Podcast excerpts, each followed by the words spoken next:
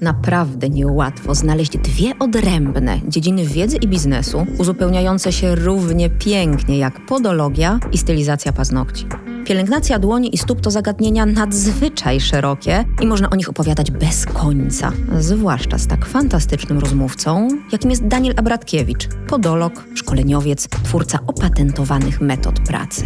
Dlatego w naszych podcastach podejdziemy holistycznie do zagadnień modelowania, pielęgnacji i terapii zdeformowanych paznokci. Opierając się na wieloletnich doświadczeniach wyniesionych z naszych ośrodków szkoleniowych, przybliżymy zarówno klientom, jak i pacjentom i specjalistom meandry funkcjonowania naszych specjalności. Za sferę pielęgnacji dłoni odpowiadać będzie nieoceniona, wyjątkowa Paulina Pastuszak, instruktorka, autorka wielu publikacji oraz książek oraz prowadząca program telewizyjny Kosmetyczne Rewolucje. Zapraszam do wysłuchania tego odcinka podcastu.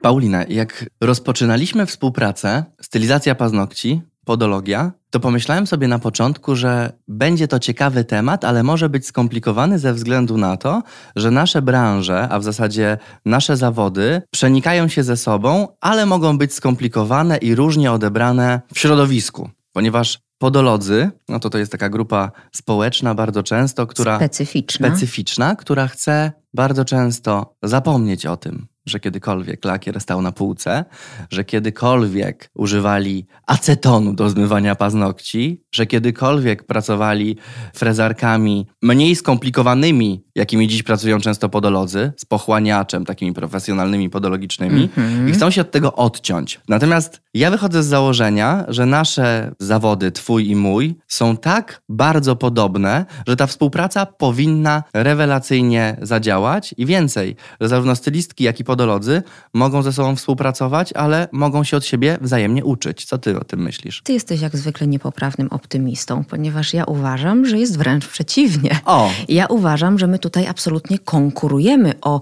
kliento-pacjenta. Z tego względu, że często jest tak, że to, co stylistka zepsuje, naprawi podolog. I tak naprawdę nasz klient bardzo, bardzo często staje się Twoim, Waszym pacjentem. I to jest dla mnie często wykluczający się aspekt współpracy. Czy też może być o w ten sposób, bo zakładam, że jeżeli zabieg jest wykonany poprawnie, odpowiednio, dobrze, zgodnie ze sztuką, to moja klientka nie powinna stać się Twoją pacjentką. A wiemy, że w praktyce oczywiście jest inaczej. To prawda, natomiast zgodzisz się ze mną, że wiele klientek, które trafiają do gabinetów stylizacji, one również borykają się z różnego rodzaju problemami podologicznymi. Podczas pedikuru taka stylistka potrafi wyłapać od razu i powiedzieć: O, tutaj ma pani modzel, tutaj ma pani odcisk, o, tutaj ma pani pękające pięty. Ja mogę pomalować i zrobić hybrydkę piękną na paznokcie, natomiast warto by było również zadbać o podeszwę stopy. No bo zwróćmy uwagę, że te klientki paznokcie pomalują, brzydko powiem, ale już pięty nie zeskrobią. Drocze się, tylko dałeś się podpuścić.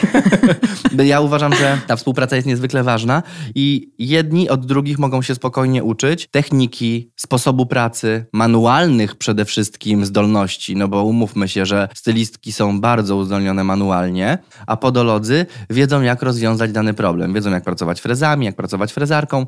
Więcej, podolog bardzo często był jeszcze niedawno stylistką i mówię to z pełnym przekonaniem Zapomnijmy o tym przykrym fakcie. i ze świadomością tego, że najlepsi... Nie mówmy nikomu. Właśnie. Wiele osób chciałoby o tym zapomnieć, natomiast powinniśmy przypominać, że stylistka paznokci dziś, za jakiś czas, dobra stylistka paznokci, świadoma, może być podologiem, jeżeli oczywiście zadba o odpowiednią edukację i ta współpraca może odbywać się w jednym pomieszczeniu, w jednym Dokładnie. gabinecie. Dokładnie tak. Ja bym nawet rozszerzyła tę Twoją wypowiedź. Nie tyle może zostać podologiem, a z biznesowego punktu widzenia wręcz byłoby to bardzo wskazane. Z tego względu, że tak jak wspomniałeś, wiele elementów się tutaj zazębia. I teraz jestem za tym, żebyśmy troszeczkę usystematyzowali te nasze rozważania. Bomba. Czyli wymieńmy sobie kilka konkretnych aspektów i zastanówmy się, na ile mamy punkty zbieżne i styczne, a na ile nam się ta ścieżka kariery i ścieżka rozwoju rozjeżdża. Dokładnie. I może zacznijmy od techniki, bo ja też absolutnie tutaj nie ukrywam, nie do końca mam świadomość tego, co i w jakim stopniu robicie wy, a ty też nie do końca wiesz, na ile skuteczne czy na ile efektowne może być nasze malowanie w różnych wariantach paznokci. Oczywiście. Więc technikalia. Co nas łączy? Co jest podobne albo co jest takie samo? Na pewno łączy nas praca frezarką. O, to tak. jest sprzęt, który Tak. jest niezbędny zarówno Tak. w gabinecie podologicznym, jak i stylizacji paznokci. Oczywiście te sprzęty mogą, i tutaj chciałbym położyć nacisk na słowo mogą, różnić się lekko, natomiast zarówno podolog, jak i stylistka mogą pracować takim samym narzędziem, bo ta frezarka może być i w jednym i drugim gabinecie identyczna, natomiast to już wynika z aspiracji, z inwestycji, z możliwości danego gabinetu, czy może pozwolić sobie na taką inwestycję, żeby na przykład do gabinetu podologicznego czy stylizacji paznokci kupić unit podologiczny. Mhm. To jest taki Czyli co to jest? to jest taki duży sprzęt, z którego często korzystają stomatolodzy, czyli to, co widzisz u stomatologa, może wjechać spokojnie do gabinetu podologicznego i specjalista będzie wiedział, jak na tym pracować, ponieważ będzie tam od razu sprężone powietrze, będzie tam turbina, która pozwoli na pracę różnego rodzaju frezami, takimi samymi oczywiście, jak podczas pracy frezarką. Czyli IQ Nails. Na przykład. Dokładnie tak, a freza IQ Nails to oczywiste. Nasz polski producent, moje ulubione, zresztą Tak, twoje jest. też. No i to jest firma, w której spotykają się podolodzy i stylistki. I Mhm. pracują dokładnie identycznymi frezami. I tutaj chciałbym zwrócić uwagę na to, że frezy ceramiczne, frez walec, szczelinowiec, różyczka, to są frezy w asortymencie zarówno dla stylistek, jak i podologów. I jedni i drudzy wykorzystają je bardzo często do różnych celów. Mhm. Bo tu warto powiedzieć o tym, że stylistka wykona piękną stylizację przy użyciu tych narzędzi, natomiast podolog wykona piękne oczyszczanie paznokci zmienionych chorobowo.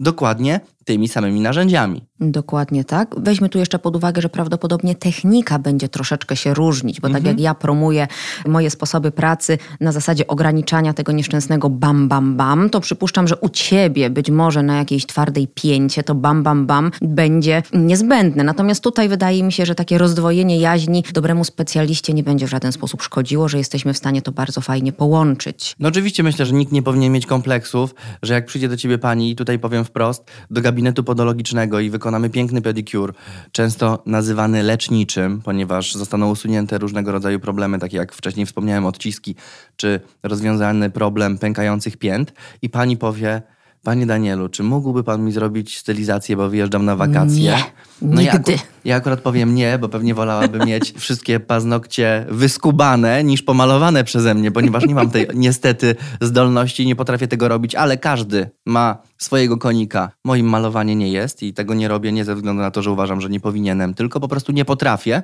ale też potrafię się do tego przyznać, ale wiem, że wielu specjalistów po takim zabiegu czy korekcji wrastających paznokci, które zostaną pięknie wyprowadzone, maluje te paznokcie. Zresztą to jest naturalne, bo klientka siedzi na fotelu i też tego oczekuje. Więc dlaczego ja miałbym tego nie zrobić, skoro siedzi klient na fotelu i ja mogę mu zapewnić serwis w jednym miejscu? Dokładnie z biznesowego punktu widzenia absolutnym samobujem byłoby odsyłanie kliento-pacjenta do kogoś innego, skoro sami jesteśmy w stanie taką usługę zapewnić. Oczywiście jest ta współpraca i bardzo ją cenię i bardzo szanuję, gdzie klientka chciałaby mieć stylizację, więc ja wskazuję miejsce, droga pani, ja tego nie robię, ale może pani pojechać do tamtego gabinetu i tam na pewno wykonają pani stylizację piękną, ale przede wszystkim bezpieczną, bo na to powinniśmy zwrócić uwagę. Dokładnie. A takie mam pytanko, jaką moc frezarki używasz? Jaką ilość obrotów? Ilość obrotów i moc waty. O watach ci nie powiem, bo nawet... Aha. Bo nawet A tak z ciekawości, teraz mi przyszło do głowy. A,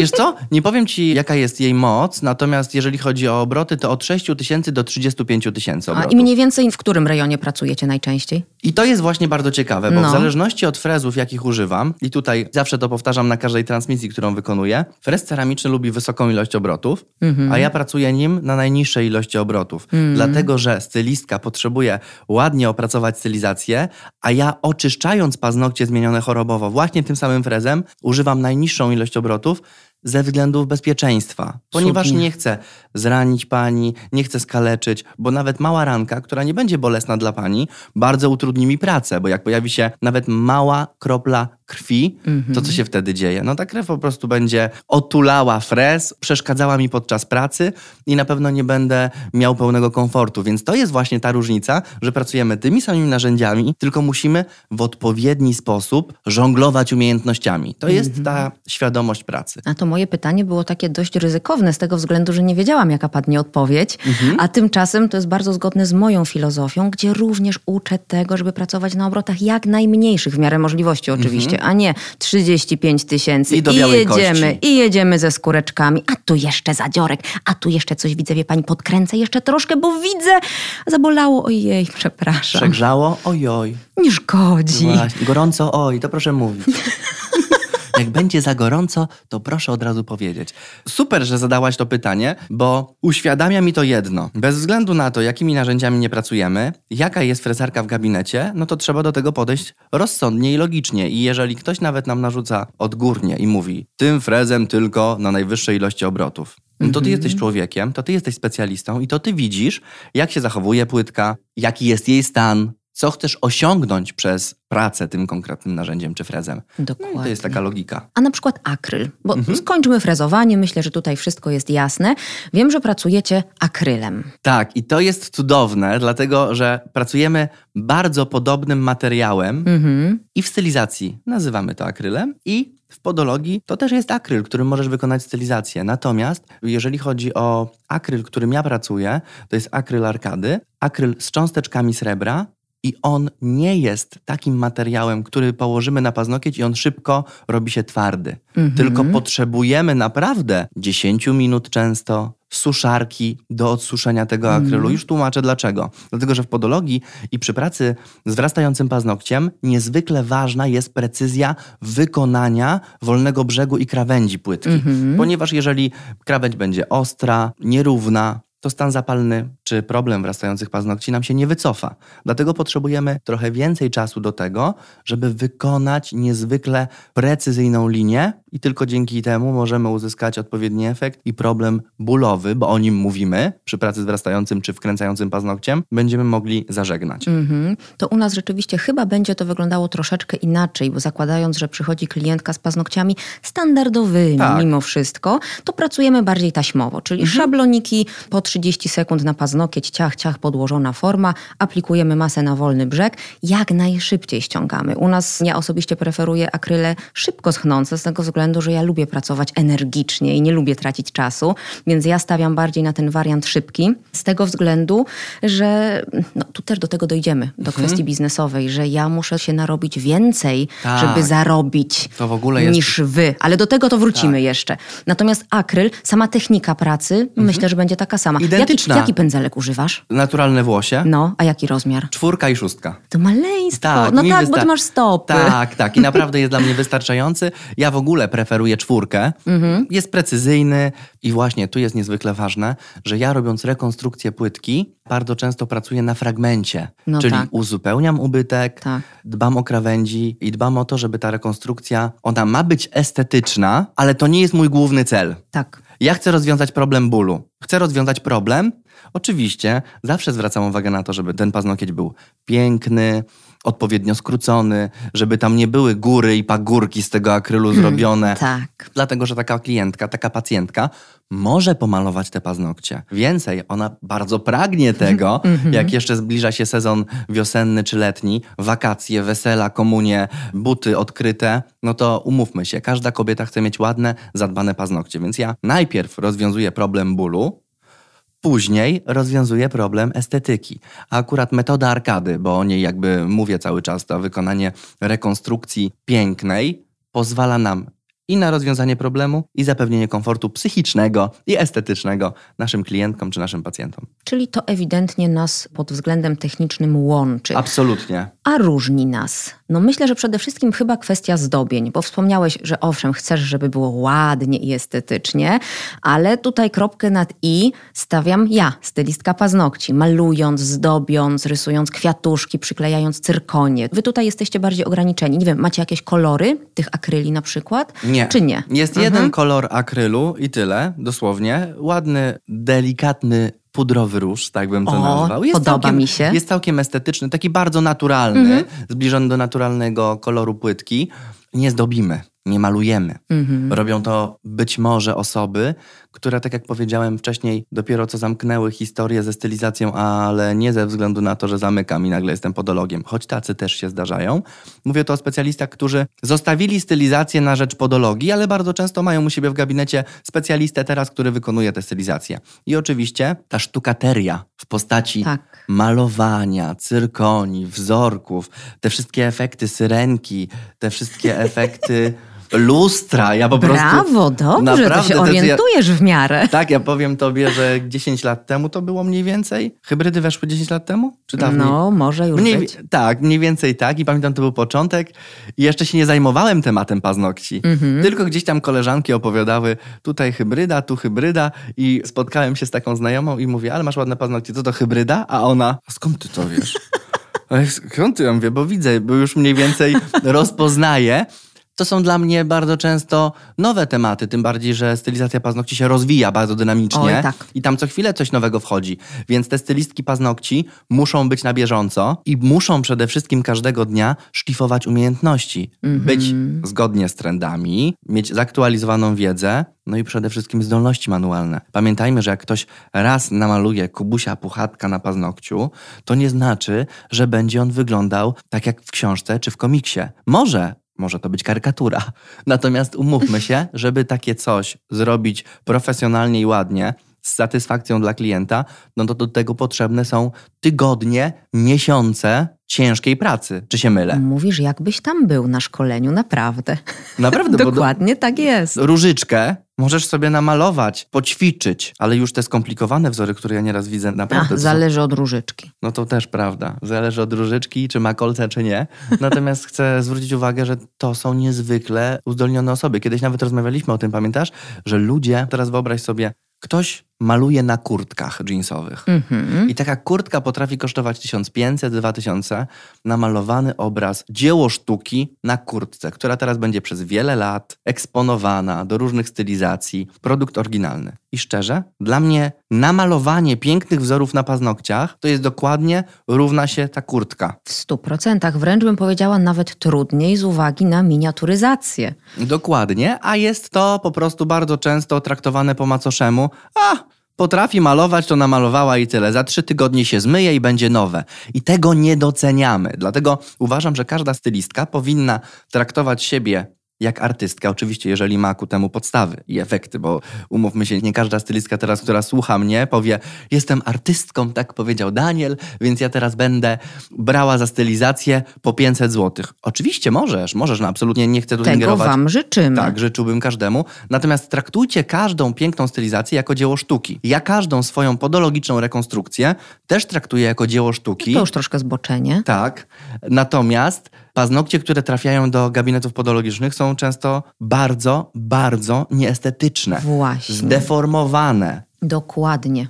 I tutaj mój drugi podpunkt mhm. w kwestii tej odmienności.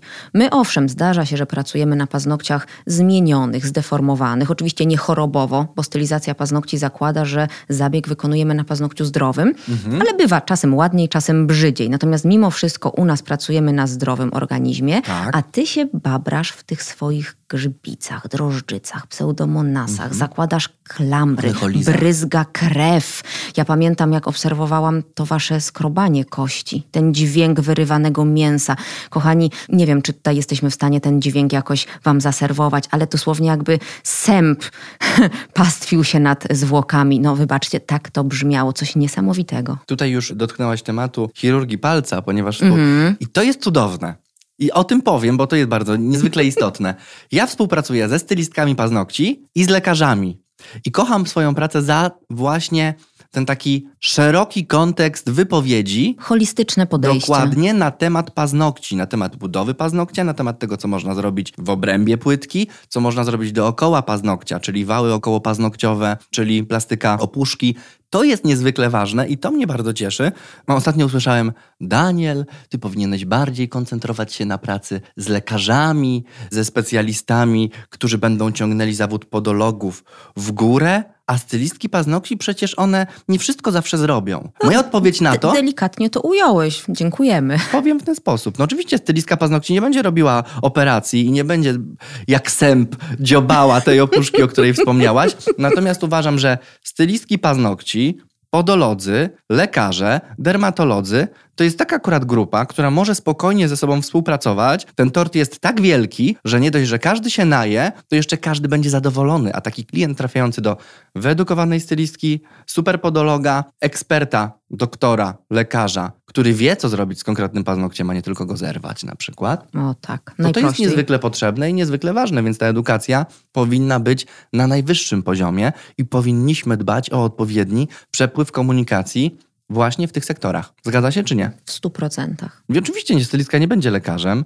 lekarz nie będzie stylistką, ale myślę, że wzajemny Oj, szacunek... lekarze mają takie zapędy ostatnio, że kto wie, kto wie. Choć niestety ta stylizacja im się nie będzie opłacała, więc nie pójdą w tę stronę. Ale myślę, że właśnie taki wzajemny szacunek i współpraca Oj, jest tak. niezwykle ważne. Zresztą umówmy się, nie każdy lekarz potrafi pracować frezarką, a my to potrafimy zrobić. Kiedy pacjent idzie do dermatologa, często mówi, to jest normalne, ma pani grzybicę, ma pani zieloną bakterię, pseudomonas, tutaj ma pani antybiotyk, proszę go łykać i zniknie. Stylistka czy podolog ma już na to manualne rozwiązanie. Wie jak to zrobić w sposób bezpieczny i zastosować terapię naturalną, bo pamiętajmy, że do antybiotyków i do tych takich bardziej inwazyjnych metod, na takie metody inwazyjne mamy czas zawsze. I bardzo pięknie dzięki temu możemy przejść do mojego punktu drugiego, mianowicie do inwestycji, które również będą podobne w zakresie funkcjonowania naszych działalności, jak i zupełnie odmienne. Jeśli chodzi o te podobne, to już temat wypłynął jeszcze, w międzyczasie. Jeszcze fotel. No właśnie, bo tak, frezarka i frezy mamy. Mhm. Dobre siodło. Jak najbardziej, dla komfortu pracy. Dokładnie. Zwracacie na to uwagę na szkoleniach? Zwracam uwagę po prostu na komfort tego, żeby specjalista czuł się dobrze w swojej pracy. Musi mieć wygodnie, musi mieć pewnie i tak, że stabilnie. jak wstanie, do, stabilnie, że jak wstanie po 8 czy 10 godzinach od tego fotela, no to nie musi iść od razu na rehabilitację, tylko może się czuć komfortowo. Więc oczywiście te sprzęty, które są niezwykle ważne i w które należy inwestować, bo powinniśmy się zgodzić z tym, że na niektórych sprzętach możemy oszczędzić, ale na niektórych nie warto, bo to jest nasze zdrowie. Dokładnie. I tutaj walczę od dłuższego czasu, od kilku lat, właśnie z ergonomią pracy stylistów paznokci, która często jest tak okrutnie niedoceniana, że aż strach, bo naprawdę znam bardzo wiele doskonałych stylistek, które w pewnym momencie musiały powiedzieć bye bye temu biznesowi, z tego względu, że po prostu fizycznie i zdrowotnie nie były w stanie dłużej pracować. Dlatego i zaprojektowałam bardzo fajny stół kosmetyczny dla Afini i od jakiegoś czasu promuję fantastyczne siodła firmy Sali do kupienia na siadamy.pl. Polecam. Nie polecam dlatego, że mam kod rabatowy, mimo że mam i chętnie zdradzę, chętnie się podzielę, ale dlatego, że sama tego siodła, tego siedziska używam od dłuższego czasu i rzeczywiście, jak po 8, 9, 10 żeby nie skłamać, dniach nagrywania Akademii Online po 10, po 12 godzin na dobę wstawałam, to po prostu wstawałam i szłam do domu. Bez strzykania, stękania, bez bólu, bez konieczności rehabilitowania się dzień w dzień. I to ma gigantyczne znaczenie na dłuższą metę, jeżeli tylko patrzymy troszkę bardziej perspektywicznie, a nie tylko na to, co będzie dziś, jutro, pojutrze. No oczywiście na zdrowiu nie można oszczędzać, te sprzęty muszą być komfortowe, muszą być bezpieczne i przede wszystkim musimy się czuć dobrze. I tutaj nie wiem, jak ty się zapatrujesz na to, ale oświetlenie. Tak. Oczy, tak, oświetlenie. Tak. Ale prawda jest taka, że światło może być różne. Natomiast chciałbym, żebyśmy też zwrócili uwagę, nie wiem, czy spotkałaś się w gabinetach kosmetycznych, czy podologicznych, czy w różnych miejscach, jak ta lampa na tym wysięgniku, zostawisz ją w jednym miejscu, a ona po jakimś czasie opada. Góra, dół, góra, dół. I zaczyna się zabawa w stabilizację lampy. Poszukiwanie się światła. takim? Oczywiście, To jest tak. masakra, kiedy lampa lupa, zostawiasz ją w jednym miejscu, odwracasz się, a za chwileczkę jest dokładnie w innym miejscu niż ją zostawiłaś. I tutaj chciałbym powiedzieć, że na lampie można kupić za 200 zł, można, można kupić za 300. Ale za 300 my już mamy dobre. Ja mam dobrą i naprawdę sprawdzoną.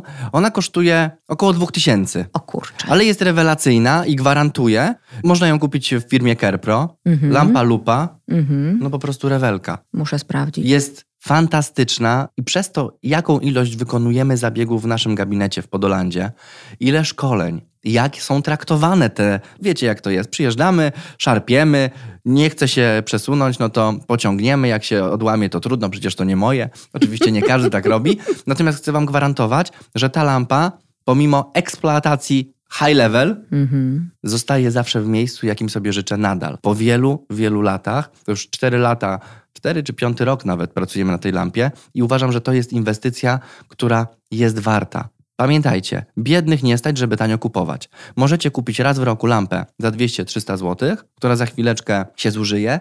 Lepiej zrobić to w sposób rozsądny i na takich sprzętach absolutnie nie oszczędzać. I do takich sprzętów z całą pewnością możemy zaliczyć też oczywiście autoklaw. Oczywiście. To też nas łączy. Autoklaw, no to jest niezbędne narzędzie, które powinno być Oj, w każdym... zdziwiłbyś się. Ja wiem, wiem, wiem, wiem. Natomiast uważam, że każdy szanowany specjalista w kraju ma autoklaw. Więcej, każdy specjalista, który ma bezpieczne miejsce i przyjmuje pod swój dach klientów, pacjentów, powinien mieć myjkę ultradźwiękową Mhm. i autoklaw. Mhm. I zapamiętajmy, jeżeli masz autoklaw, to nie zwalnia cię z posiadania myjki, a jeżeli masz myjkę, to nie zwalnia cię z posiadania autoklawu. Okej, możesz nie mieć autoklawu, ale wtedy musisz mieć podpisaną umowę, nie jakąś wyimaginowaną, tylko konkretną umowę w miejscu, gdzie będzie ta sterylizacja się odbywała. Tutaj chwila ciszy, niech to wybrzmi. Z Pamiętajcie, względu, że bezpieczeństwo najważniejsze. Jeżeli wydaje Wam się, że w Waszym gabinecie jest czysto, nikt się niczym nie zarazi, to gwarantuję Wam, że tak będzie do pierwszego razu. Później zaczną się pytania. A jak pani prowadzi proces dezynfekcji? A jak wygląda sterylizacja? A gdzie jest księga sterylizacji? Mhm. A gdzie jest informacja o tym, kiedy były badania autoklawu? Proszę pokazać paszport. O, i nagle ty przyniesiesz, pokażesz paszport swój. Nie, prosimy o paszport autoklawu. To jest niezwykle ważne, żebyśmy pamiętali o takich rzeczach. Pamiętajcie, ubezpieczamy się na wypadek wypadków. Nie dlatego, że planujemy, żeby on się odbył, tylko dla własnego bezpieczeństwa. I dokładnie tym samym jest posiadanie autoklawu, procedur sterylizacji, procedur dezynfekcji, no i procedur bezpieczeństwa w swoim gabinecie. I to również jest punkt wspólny zarówno w gabinecie podologicznym, jak i w gabinecie stylizacji. Tym bardziej, że w obecnym czasie mam wrażenie, że klienci po pierwsze stali się troszkę bardziej świadomi i wymagający, a po drugie nawet czasem tacy troszkę bardziej roszczeniowi, w sensie, że wiedzą na co mogą sobie pozwolić i wiedzą, że w momencie, kiedy coś poszło w salonie nie tak, mogą dochodzić swoich praw i bardzo dobrze tak być powinno. Oddolna inicjatywa w postaci wymagającego klienta jest niezbędna do tego, żeby nasze branże rozwijały się, żeby szły do przodu. Klient widzi, co się dzieje dookoła. Pamiętajcie, i też to powtarzam za każdym razem, kiedy trafia do Was klient, sprzątacie swoje gabinety, usiądźcie na fotelu w miejscu klienta i zobaczcie, co widzi on. I też będziecie wiedziały, to jest taka podpowiedź. Może o tym zapominamy. Sprzątamy ryneczek, a nie widać tego wszystkiego dookoła, więc to jest niezwykle ważne, żeby na to zwracać uwagę. Klasyka. Uśmiecham się tutaj, opowiem Ci przy okazji. Ale póki co przejdźmy dalej do Dobrze. elementów odmiennych w tych kwestiach inwestycyjnych. I tutaj już wypowiedziałeś wcześniej słowo fotel. Fotel a biurko. To nas różni. Ile taki fotel kosztuje u Ciebie? Właśnie, i tutaj jest niezwykle ciekawe to, że podolody często pracują na fotelach kosmetycznych, bo takie dzielimy. Fotel kosmetyczny lub fotel podologiczny. I te fotele takie stricte podologiczne to jest koszt od 10 tysięcy w górę. Wow. Przez to, że prowadzę centrum szkoleniowe Podoland, to w każdym gabinecie mam inny fotel. Po co? Po to, żeby pokazać też specjalistom, którzy do nas przyjeżdżają, że mogą pracować od foteli, które są naprawdę takim przedziale cenowym bardzo dostępnym. To jest 4,5 tysiąca, 5 tysięcy złotych. Fotel kosmetyczny, rewelacyjny, wygodny, do usług kosmetycznych, jak i podologicznych. Nawet rozkłada się jak fotel do masażu, więc jest rewelacyjny pod tym kątem. Natomiast fotel podologiczny to są już 12, 13, 16 tysięcy złotych. I to są takie sprzęty, które kupuje już ktoś, kto ma tylko usługi podologiczne. Bo jeżeli chcemy wykonywać różne, to proponuję zawsze ten fotel. To jest Kate Beauty, polski hurtownik, który te fotele sprowadza. Jest rewelacyjny, świetnie się sprawdza, no i przede wszystkim jest wygodny, zarówno dla pacjenta, No właśnie, dla jak obu i stron. dla specjalisty. A tu uwaga, nie zawsze fotel podologiczny jest tak komfortowy dla pacjenta. Dla pacjenta, tak też mi się wydawało. On nie to jest- bardziej taki stół operacyjny czasami przypomina. Taki, to jest taki fotel jak u ginekologa, bym powiedział, bardzo O, często. super. I te nogi też się tak rozsuwają. Chodzi o komfort pracy. Jakie nogi? No te nogi w zasadzie pod Fotela no, czy podnóżki, pacjenta? Podnóżki fotela, tak. przepraszam. Można je, można je rozsunąć. Chodzi o komfort pracy i wygodę dla specjalisty, no i dla pacjenta również. Natomiast one się rzeczywiście różnią, ale ten fotel kosmetyczny jest czymś wspólnym, bo wy macie dokładnie ten sam fotel. Mhm, dokładnie. Czy się mylę? Tak, może być jak najbardziej. Natomiast z tego, co mówisz, jeśli chodzi o te kwoty, to biurko dobre, fajne, mhm. dobry stół kosmetyczny to też jest kwota rzędu 4, 5, 6 tysięcy złotych i to już będzie takie wypasione biurko, mhm. na przykład z regulowaną wysokością. A. Naciskasz sobie i blat jedzie do góry. U podologa nie jest potrzebne takie biurko, dlatego że wszystkie sprawy problemów paznokci dłoni mhm. również rozwiązuje na tym fotelu, ponieważ mogę go unieść. Oczywiście jest to inny komfort, bo umówmy się, że klientka, która trafia do gabinetu stylizacji, musi usiąść i siedzieć w jednej pozycji przez dwie godziny, prawda? Mhm. Więc musi być to komfortowe dla jednej i drugiej strony. Natomiast w przypadku paznokci problematycznych dłoni, ja rozwiązuję taki problem w 10-15 minut i tyle. Mhm. Nie potrzebuję biurka, tak. chociaż również je posiadam. I to jest biurko, które kupiłem zwykłe, kosmetyczne za 600-700 zł, które sobie stoi. Wybaczam. No, rzadko go używam. Oczywiście, że tak. Ono stoi jako taki dodatek, mhm. kiedy musiałbym oczyszczać 10 paznokci i musiałoby to trwać dłużej. Bo widzisz, jakbyśmy na przykład pomyśleli sobie o tym, żeby kiedyś otworzyć coś wspólnego, to mhm. ja bym tobie udostępniała moje biurko. A ja tobie fotel. Dziękuję. Myślę, że to jest ciekawa propozycja do przemyślenia. Prawda? Mhm. Pomyślimy o tym. Pomyślimy. Ale na przykład, czy potrzebowałbyś również brodzika, bo klientka w salonie stylizacji paznokci oczywiście przed zabiegiem myje ręce. Standardowo w mhm. toalecie, tak, wiadomo, tak. ubikacja idzie zamknięta, tak. myje rączki, siada i gotowa. A jak u ciebie kwestia tej pielęgnacji, higienizacji stóp przed czy po zabiegu, nie wiem. Właśnie. I to jest super temat, dlatego naprawdę ja mam od razu poruszenie, jak słyszę Moczymy, nie moczymy, myjemy, nie no myjemy. No właśnie. Jak powinna wyglądać taka wizyta w gabinecie podologicznym, jak i w gabinecie stylizacji? Bo teraz telefonuję do ciebie, pani, chciałabym pedicure. Mhm. Przyjeżdża do ciebie po całym dniu pracy i tak. myśli sobie, Boże, zlana zimny potem, jak ja zdejmę teraz te buty, jak mi tak śmierdzą te stopy po całym dniu, muszę je gdzieś umyć. No tak. No i tutaj od razu podpowiadam i mówię. Pamiętam historię, jak jeszcze we wcześniejszej lokalizacji w Podolandzie wchodzę do łazienki, a pani stoi w zlewie z nogą i z, z miną po prostu, o Boże, nie zamknęłam drzwi. Była w ciężkim szoku, bo pani chciała umyć te stopy, więc sobie je umyła. Więc co zrobiliśmy teraz w nowej lokalizacji? Zrobiliśmy miejsce, ogólnodostępne dla pacjentów, którzy mogą sobie, uwaga, przemyć stopy. I czym się teraz będzie różnił, o tym będziemy mówili, Paulina. Właśnie, mamy osobny odcinek no, fajny. W osobnym odcinku na temat tych różnic pedikurów. Natomiast chcę powiedzieć, tobie jest potrzebny brodzik, dlatego że specjalistki, stylistki nie będą pracowały tutaj dłutem, skalpelem. Mhm. Więc ta klientka sobie dla relaksu może pomoczyć, odprężyć te stopy. W gabinecie podologicznym nie moczymy stóp przez dłuższy czas, tylko je przemywamy. Możemy je zanurzyć w wodzie na 30 sekund, minutę, żeby po prostu je odświeżyć i przemyć. Dlaczego? Dlatego, że za chwileczkę będziemy pracowali ostrym narzędziem. I jeżeli ta skóra będzie zbyt mocno zmacerowana, nie będziemy mieli prawa ani możliwości wbijania niczego ostrego, ponieważ nie widzimy, co wycinamy. To jest bardzo logiczne. Dokładnie i bardzo podobnie wygląda sprawa u nas, mimo wszystko z pedikirem kosmetycznym i z manikirem. W sensie umycie tak, ale żadne moczenie, bo wtedy całe frezowanie tak naprawdę bierze w łeb, bo nic nie widzimy. Pracujemy w ciemno po omacku. No, Poza tym płytka chłonie wodę 10 razy szybciej niż skóra. W związku z tym również może dojść dużo łatwiej do różnego rodzaju uszkodzeń mechanicznych, czyli naciśnięcie frezem, dociśnięcie kopytkiem na takiej rozpulchnionej, rozmoczonej płytce może być dużo, dużo bardziej agresywne i inwazyjne. Absolutnie tak.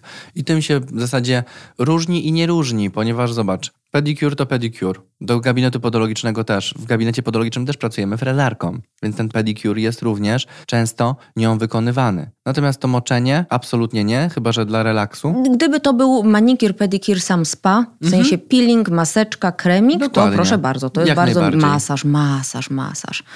A swoją drogą tak wyobrażam sobie tę scenkę z panią z nogą w umywalce. Jezu, no nie. Znaczy, nie muszę sobie bardzo wyobrażać, bo ja sama wielokrotnie w takiej sytuacji byłam, tylko że tak, nie... Tylko zamykałaś łazienkę. Nie, nie dało się zamknąć, bo to było na przykład pole namiotowe w Tanzanii albo jakiś pseudo-kemping w Mongolii i to mnie w ogóle nie przeraża. Aczkolwiek rzeczywiście w salonie kosmetycznym czy u podologa, no zakładam, że powinno to być rozwiązane troszeczkę bardziej komfortowo i w bardziej cywilizowany sposób. No my to właśnie w ten sposób rozwiązujemy rozwiązaliśmy, żeby nie było niedomówień, pacjent idzie do toalety. Ładny macie ten kącik. Jest myjka Podoba do stóp, do widzenia, mm. każdy zadowolony i naprawdę czuje się komfortowo. Ja to widzę i pacjenci sami zresztą mówili, tak. jak się przenosiliśmy, zróbcie takie miejsce.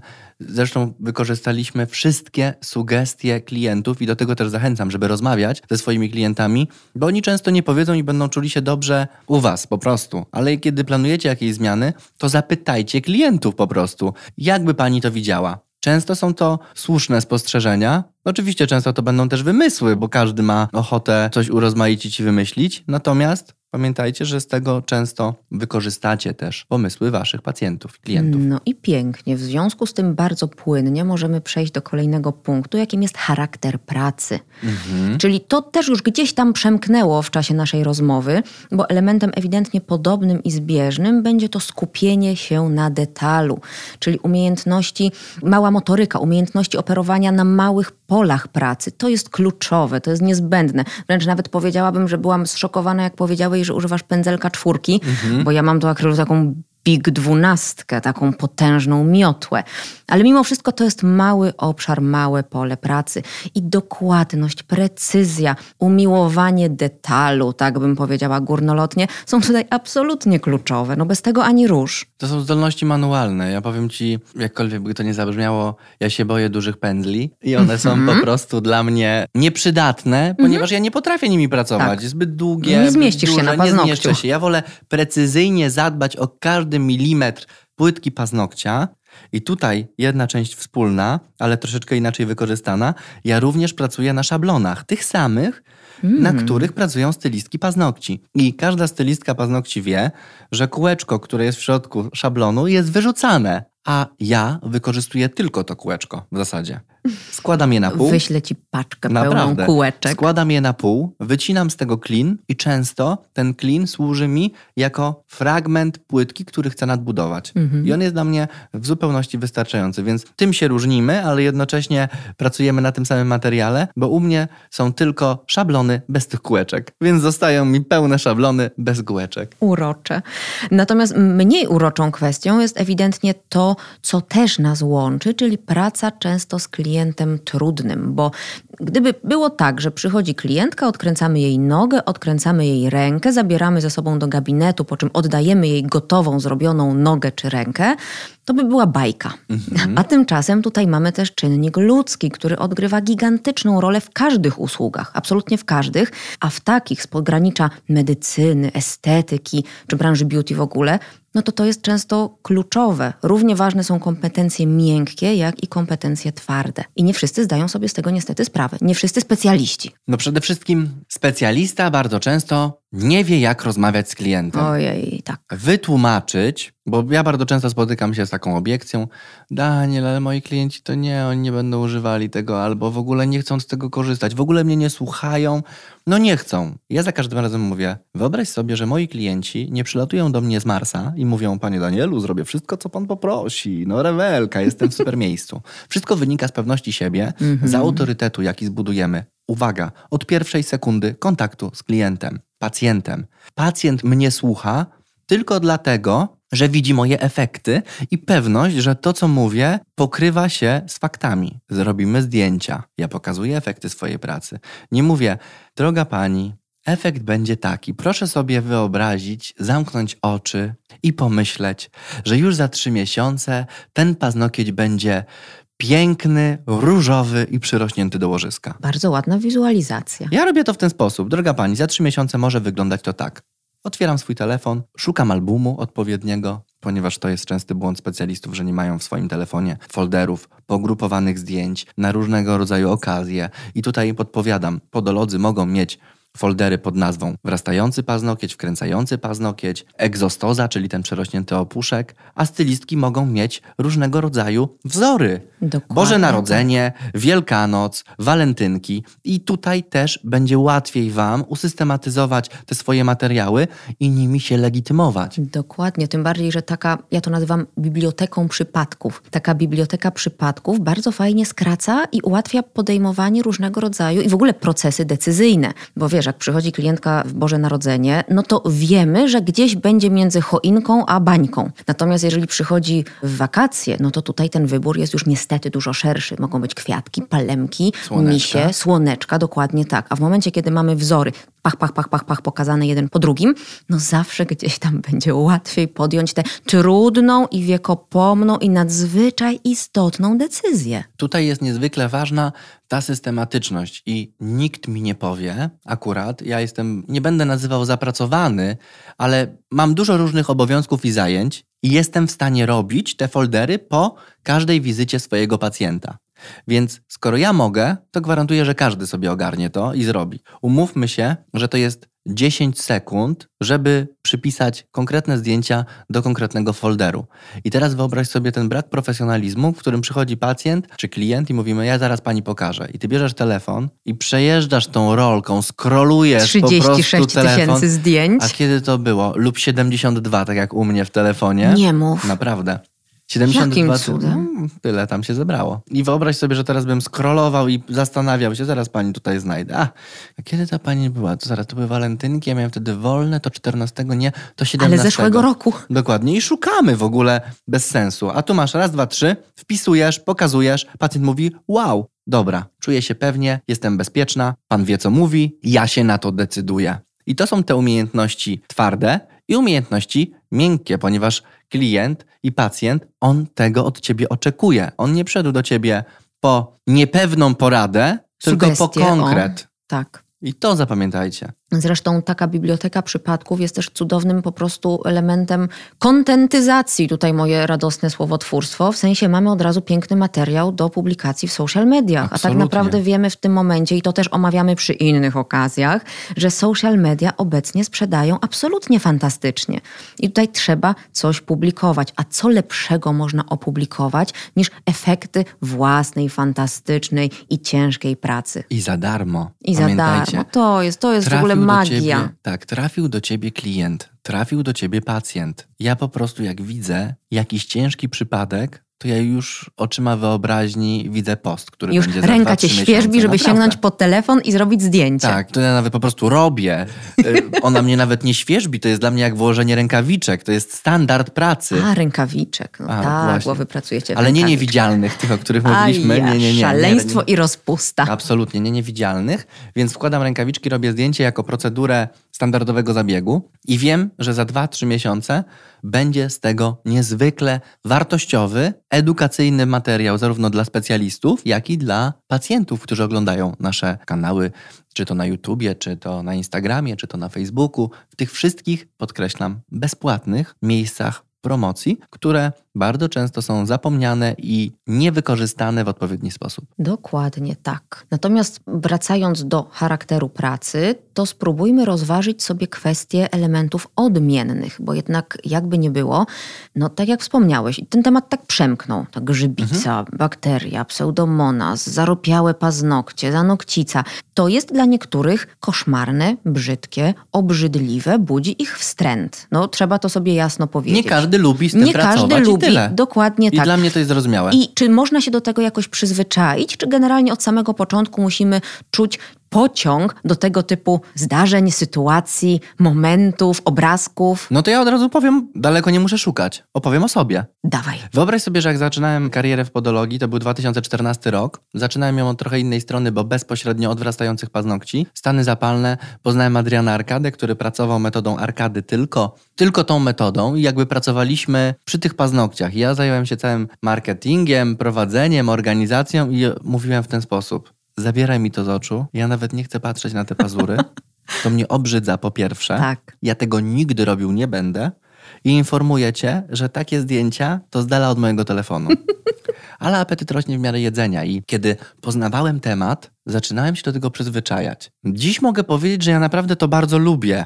I w pewnym momencie wyłącza ci się wszystko, nie Mhm. czujesz zapachu, bo przychodzą ludzie, pacjenci na różnym etapie zaawansowania swoich problemów. Tak. Te stopy są w różnym stanie. Higiena jest w różnym stanie Mhm. naszych klientów czy Mimo pacjentów. brodzika. Mimo brodzika, w brodziku skarpet nie wypierzesz, pamiętaj.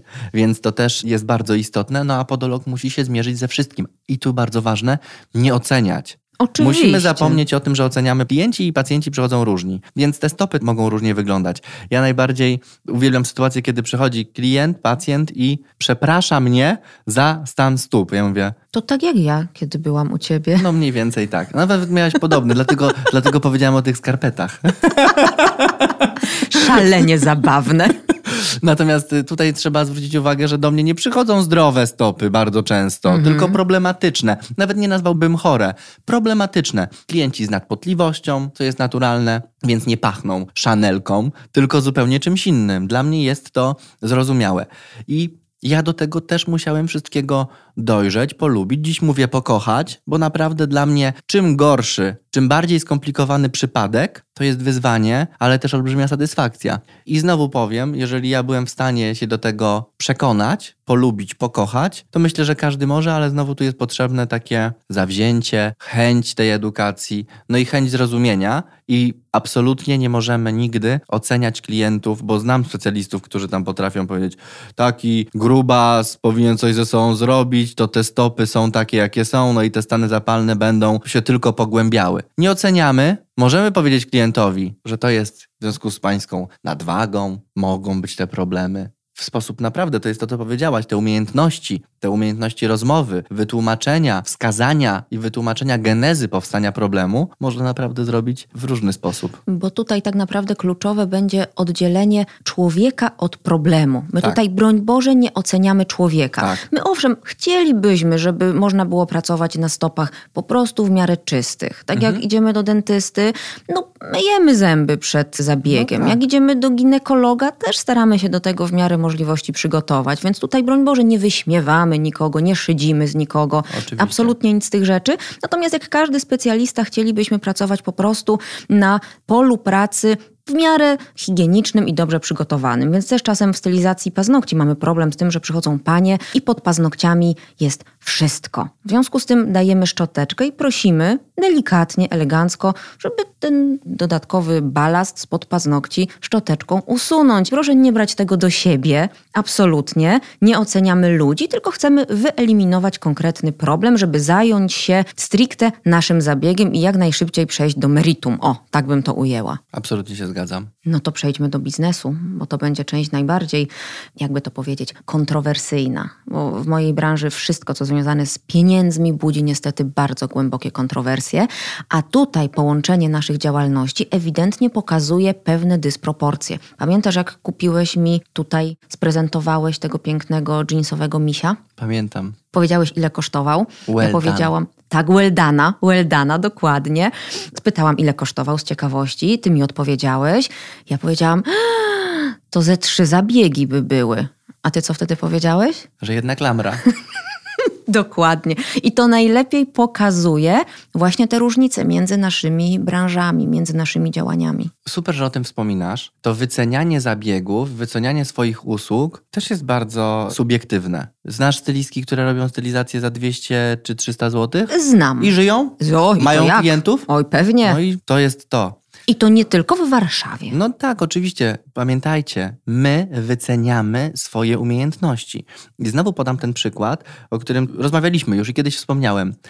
Może to brutalnie zabrzmi i zabrzmiało wtedy, kiedy miałem szkolenie i jedna z dziewczyn mówi, że ona konsultacje wykonuje za darmo. Mhm. Ja jej powiedziałem, to oznacza, że twoja konsultacja jest nic nie warta. I tyle. Powiedziałem to wprost. Ona mówi, jak Daniel, tak możesz powiedzieć? Przecież powiedziałam, wytłumaczyłam, mówię, ale nie wzięłaś za to pieniędzy, więc to nie jest nic warte.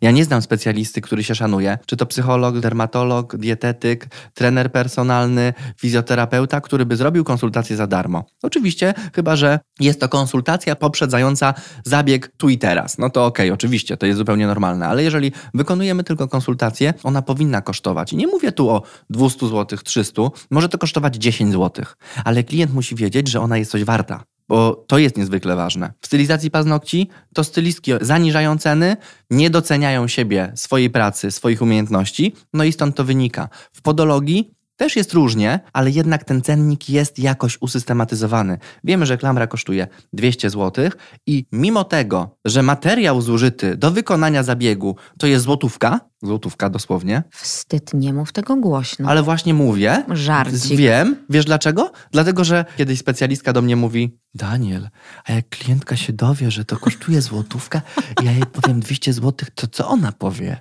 Że jestem jakąś oszustką. A ja Ojej. zawsze mówię, no to wtedy daj jej Tak. zestaw do robienia Niech klamry sobie i powiedz, zrobi. proszę sobie przykleić.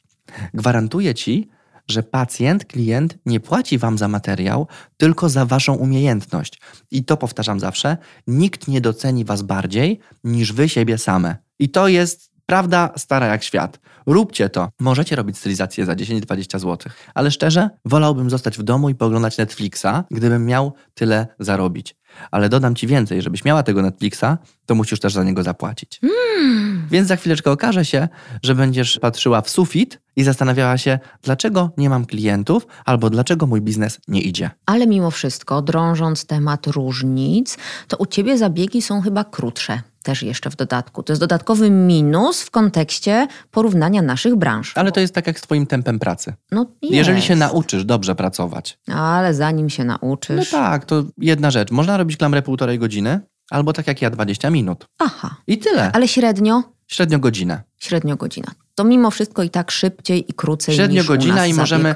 Ja przeliczam czas pracy podologa mniej więcej w ten sposób. Godzina równa się 150 zł. Ho, ho, ho. Tak, i wtedy jest naprawdę uczciwie. Godzina Mhm. 150 zł. Nawet w cenniku mamy coś takiego jak kontrolę A, kontrolę B i kontrolę C, bo pacjent może przyjść na kontrolę z różnym problemem. I wiem, że kontrola A trwa 30 minut i to jest osadzone w czasie, mniej więcej jak lekarze. Zobacz, konsultacja lekarska trwa 15-20 minut, do widzenia, następny pacjent. To samo zrobiliśmy w gabinecie podologicznym i myślę, że stylistki też mogłyby spokojnie zrobić w ten sposób że stylizacja trwa godzinę 15. Wymyślam, wiem, że krótko i zrobisz jedną rękę. Też może być. Nie, też, Też może być, jeżeli oczywiście. to jest Kwestia kwestia umiejętności. organizacji. No będą tacy, którzy zrobią stylizację przez 4 godziny i będzie ona brzydka i wezmą za to 40-50 zł. Zgadza się? Niestety tak. No właśnie, więc tutaj powinno paść pytanie, po co i w imię czego to robimy? Jeżeli jestem stylistką wolontariuszką, okej, i wtedy przyjmuję takie tłumaczenie. Natomiast jeżeli jestem stylistką z pasji, ale też przedsiębiorcą, to absolutnie nie. Podolodzy szanują swoje cenniki, szanują swój czas i doceniają swoją pracę. Tak to widzę. Czy to nie wynika przypadkiem z tego, że podologów jeszcze jest dużo, dużo, dużo, dużo mniej niż stylistek paznokci? Masz jakieś dane na ten temat? Czy tak tylko orientacyjnie możemy to określić? Zakładam dziś, że w zasadzie w każdym gabinecie stylizacji paznokci, w którym wykonuje się pedicure, jest już namiastka specjalisty, który zajmuje się problemami stóp. W większości, chociaż podstawowe odciski, nawet jeżeli nie nazywają się podologami jeszcze lub nie edukują w tym kierunku, to łapią tego bakcyla i bardzo szybko się rozwijają. Tych gabinetów podologicznych w tym momencie jak grzyby po deszczu. Ja to widzę, z dnia na dzień jest ich coraz więcej. Myślę, że na ten moment około 18 tysięcy gabinetów w Polsce. Mhm. No to tak całkiem, całkiem, natomiast to jest nadal bez porównania mniej niż stylistów paznokci, którzy właśnie z tego względu konkurują z sobą ceną, co jest nie do przyjęcia na dłuższą metę. A Paulinka, powiedz mi jedną rzecz. Czy stylistką paznokci jest pani, która ogłasza się, że robi paznokcie? Oj, to też już brniemy bardzo głęboko. Właśnie, bo chciałbym uciąć coś Tak, takiego. tak. Nie ma. Stylistką paznokci jest pani, która wykonuje stylizację na profesjonalnych produktach, ma profesjonalny sprzęt i ma podstawy i warsztat pracy. I chcielibyśmy dodać jeszcze do tego, że robi to legalnie. Dokładnie, ma zarejestrowaną działalność. Stylistką paznokci nie jest pani, która wykonuje stylizację koleżanką w domu przed Andrzejkami. Oj, to teraz tu tutaj absolutnie. duża I grupa jest- słuchaczek fuknęła. To nie jest stylistka paznokci, to jest koleżanka malująca paznokcie. I tyle. O, i to jest super, bo właśnie teraz sobie uświadomiłem, że stylistką paznokci powinna być nazwana osoba, zarejestrowana działalność gospodarcza. Prowadzimy, może mobilnie, może nie, może stacjonarnie, natomiast to nadal musi być ekspert. Pani, która maluje koleżanką paznokcie, nie jest stylistką, nie powinna się tak nazywać i tyle. Daniel, jak dobrze, że ty tu jesteś i że ty to powiedziałeś, bo gdybym ja powiedziała coś takiego, to wylałby się na mnie kubeł i nie powiem, że zimnej wody, tylko czegoś innego. Ale wiesz, że teraz właśnie dałaś mi do myślenia, ja zrobię na ten temat post. Nie przywołuj mnie tam absolutnie. Zawołam właśnie. Drodzy słuchacze, nawet jak logicznie pomyślicie, no czy na przykład teraz... Czy my jesteśmy radiowcami, dziennikarzami, skoro siedzimy w studio Właśnie. i gadamy do mikrofonów Albo i robimy to któryś jakąś- już dzień? Dokładnie, albo jak na przykład dziś rano pomagałem swojej koleżance wyciągnąć kleszcza z kota, to czy jestem już weterynarzem? Bo tak się zastanawiam. Amatorem. Właśnie, jestem weterynarzem, amatorem, jeżdżę i chronię zwierzęta przed boleriozą. No po prostu bomba. Niedługo poród konia jakiś Właśnie. koński możesz Właśnie. Przyjąć. No i no to zobaczcie, to jest właśnie ta logika. To, że pojechałaś do koleżanki i narysowała się jej serduszko na walentynki na paznokciu, nie czyni z ciebie stylistki. Nie masz podstaw, nie masz warsztatu, nie masz wiedzy. A jeżeli mówisz, mam wiedzę, mam warsztat, to zarejestruj swoją działalność i rób to legalnie i uczciwie. I tutaj ostatni punkt, który nam się pięknie wpisuje jako taka klamra. Podologia jest bardziej prestiżowa. Stylistki paznokci są mniej poważaną społecznością, bo nawet nie powiem zawodem, bo nie ma zawodu oczywiście, ale jest to zajęcie nietraktowane poważnie. O. Wynika to przede wszystkim z tego, o czym przed chwileczką powiedzieliśmy. Stylistka musi mieć warsztat, musi wiedzieć, jak pracować, musi być bezpiecznym, mądrym ekspertem. Podolog dba o swój wizerunek. Biały kitel, niebieski kitel, ale to wszystko zmierza ku medycynie, jakby ociera się o medycynę i o kosmetologię. A stylistka paznokci, no nie wiadomo, walizeczkę, pojadę do koleżanki, czy to służąca do malowania paznokci, czy do brania lakieru do sukienki. Koleżanki mają studniówkę i tyle. Mogę, mogę powiedzieć, Tak? do szału mnie doprowadzają relacje różnego rodzaju polskich celebrytek, które pokazują, jak siedzą u siebie w domu na kanapie, a jakaś dziewczynka od paznokci robi im stylizację. Jak to świadczy o branży, w jaki sposób one nas przedstawiają. Pewnie niechcąco, pewnie nie wynika to ze złej woli, owszem, ale mimo wszystko coś takiego nie powinno mieć miejsca, po prostu. To jest dla mnie zupełnie normalne, że to stylistki nie dbają o swój wizerunek, tak jak robią to podolodzy. Bo podolodzy rzeczywiście, i tu się z Tobą zgadzam, dbają o to, żeby standard, jakość pracy były na najwyższym poziomie. I tego Wam zazdrościmy, A gratulujemy ja tego wam. życzę i I właśnie edukuję, dlatego, dlatego o tym rozmawiamy. Zobaczysz, że jesteśmy w stanie zrobić tak, żeby stylistka paznokci była ekspertem, wzorem i autorytetem dla każdej klientki, która przychodzi po stylizację. Pierwszym kontaktem z osobą, która potrafi ją wyedukować, powiedzieć jej, dlaczego ten problem na paznokciu wystąpił. I nie będzie się zamieniała w dermatologa, tylko będzie wiedziała, że to jest czas na dermatologa, czy czas na podologa, a nie udawała, że możemy wszystko zamalować. Mm, Myślę, że to jest perfekcyjna puenta. Właśnie. Miłego dnia, dziękujemy Wam i do usłyszenia. Dzięki śliczne. Dziękujemy za wysłuchanie tego podcastu. Bardzo nam miło, że mogliśmy spędzić z Wami trochę czasu, opowiedzieć o swojej pasji oraz pracy. I teraz koniecznie zasubskrybujcie nasz kanał i nie wahajcie się udostępnić go znajomym. A jeśli interesują Was kolejne ciekawostki z zakresu podologii i branży beauty, zapraszamy serdecznie do odwiedzenia naszych profili we wszystkich możliwych serwisach społecznościowych. Oferty naszych szkoleń znajdziecie natomiast na paulinapastuszak.pl i podoland.pl. Do zobaczenia.